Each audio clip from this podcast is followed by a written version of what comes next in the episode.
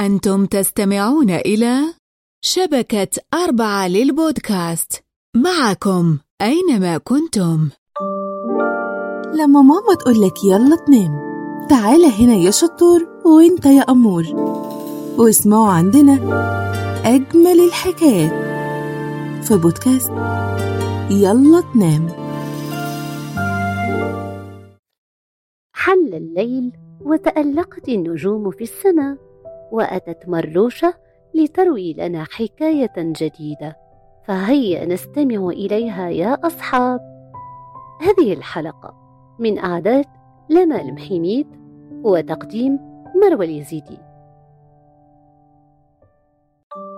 ياسمين هي طفلة صغيرة في العاشرة من العمر وكانت الابنة الوحيدة لعائلة محبة فقد أغرقوها بدلالهم ورعايتهم. فلم تكن تنظر إلى لعبة حتى يشتريها والدها لها ولم تكن تشتهي نوعا من الحلوى حتى تحضره والدتها لها وكانت تعيش كأميرة الجميع يحبها ويلبي طلباتها. وفي يوم من الأيام بينما كانت ياسمين تلعب بعرائسها رن جرس الباب وعندما فتح والد ياسمين الباب اتضح أن الزائرة هي أخته وفاء ويرافقها ابنها عماد. رحب بهما والد ياسمين ودعاهما للدخول وبعد تبادل التحيات والأخبار قالت له لدي أمر أطلبه منك يا أخي. فأجاب إن كنت قادرا عليه فلن أقصر معك. طرأ أمر مفاجئ ويتحتم علي السفر بأسرع وقت وستكون رحلة طويلة فيها مشقة على ابن عماد. وأنا أثق بك ثقة كبيرة فهل لك أن ترعاه بضعة أيام ريثما أحل أموري وأعود؟ نعم نعم يسرني ذلك. عماد مثل ابني. سافري وأنت مطمئنة سأرعاه حتى عودتك. شكرا جزيلا لك يا أخي. جلبت وفاء حقيبة عماد التي تحتوي على ملابسه وبعض ألعابه وناولتها أخاها ثم ودعت ابنها وغادرت. وحينما خرجت ياسمين من غرفتها وسألت والدها باستغراب لماذا يحمل عماد حقيبة سفر؟ لأنه سيمكث معنا بضعة أيام. هيا.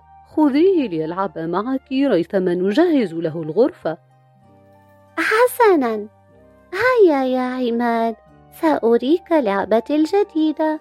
اندهش عماد من حجم الغرفة وأثاثها فقد كان هناك أريكة وطاولة وتلفاز وحتى سرير صغير فعبر عن دهشته قائلا هي إنها أروع غرفة ألعاب رأيتها في حياتي.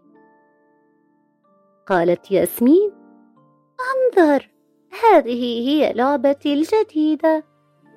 وأشارت بيدها ناحية سكة القطار الكبيرة ومن ثم أخرجت قبعة سوداء اللون من أحد الأدراج وارتدتها ثم قالت بصوت عال أنا هي الكابتن ياسمين قائدة هذا القطار. سننطلق بعد قليل لذلك يرجى من الجميع الجلوس في مقاعدهم. ظل الاثنان يلعبان لبضع الوقت حتى قاطعتهما والدة ياسمين وهي تحمل البسكويت والشاي. ثم قالت قبل أن تخرج اشرباه قبل أن يبرد. فقال عماد لياسمين ما رأيك أن أريك لعبتي ثم نتناول البسكويت؟ قالت ياسمين حسنا. ثم أخرج عماد رجلا آليا لونه أزرق كزرقة البحر يرتدي قناعا أسود وعباءة فضية. أعجبت ياسمين بالرجل الآلي وطلبت من عماد أن تحمله فناولها إياه ثم اتجه إلى الطاولة ليتناول البسكويت ولحقته ياسمين مسرعة وبينما هما يشربان الشاي سألته ياسمين قائلة من أين اشتريت هذا الرجل الآلي؟ فأجاب عماد اشتريته من أوروبا عندما سافرت مع والدتي في العطلة الصيفية شعرت ياسمين بالحزن فهي لن تستطيع شراء واحد مثله. وتحول حزنها هذا إلى غضب. كيف لعماد أن يملك لعبة رائعة مثل هذه وهي لا تملك مثلها؟ دائما ما كانت تحصل على أفضل الألعاب فكيف لم يشتريها لها والدها؟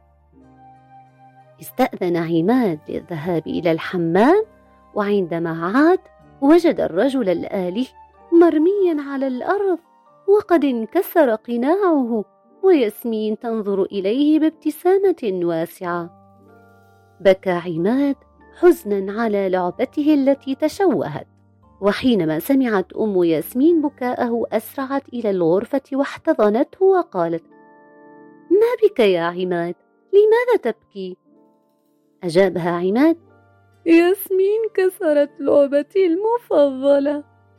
نظرت أم ياسمين إلى ابنتها وقالت بغضب لماذا فعلت هذا يا ياسمين؟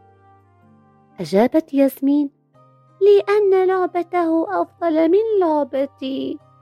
قالت الأم إنها لعبة واحدة لديك ألعاب أكثر منه انظري حولك. غرفتك مليئة بالألعاب المتنوعة. لكنها ليست بروعة الرجل الآلي. إنه بطل خارق يحارب الأشرار. بينما ألعابي أنا لا تعرف إلا شرب الشاي وارتداء الفساتين. يا بنيتي لا يوجد شخص يمتلك كل شيء. لابد أن ينقصه أمر ما ربما مال أو منزل أو أسرة عليك أن تنظري للجزء الممتلئ من الكأس. وماذا يعني هذا؟ يعني أن تنظري إلى ما تمتلكينه وتشكري الله على هذه النعم. قد يمتلك عماد ألعابا مميزة ولكن والديه يسافران كثيرا فلا يقضي معهما وقتا طويلا. بينما أنت تمتلكين ألعابا كثيرة قد يتشابه بعضها. ولكن والداك حولك يهتمان بك ويلعبان معك وهذه نعمة يجب أن تحمدي الله عليها. بدلا من تحطيم لعمة عباد كان بإمكانكما اللعب بها سويا أو ربما تتبادلان الألعاب لكن تدمير اللعبة لم يكن عادلا. أنا آسفة يا أمي. اعتذري لعماد وليس لي. أنا آسفة يا عماد سأساعدك في إصلاحها وسنلعب بها سويا. مسح عماد دموعه وأومأ برأسه موافقا. الغيرة لا تفيد بشيء بل إنها تنزع المحبة والمودة وتحولها لكره وعداوة وهي مشاعر تؤذي الإنسان وتسبب له الحزن في حياته. انظروا للنصف الممتلئ من الكأس بعين الامتنان والشكر لا بعين الغيرة والمقارنة. وإلى قصة جديدة تصبحون على ألف خير. وأنتم يا أصدقائي هل تسمحون للغيرة بأن تشغلكم عن المرح؟ كنت معكم أنا مروى اليزيدي في التقديم لنا المحميد في الأعداد. أحلام محمد في الهندسة الصوتية والمونتاج وهجر عبد القادر إشراف عام.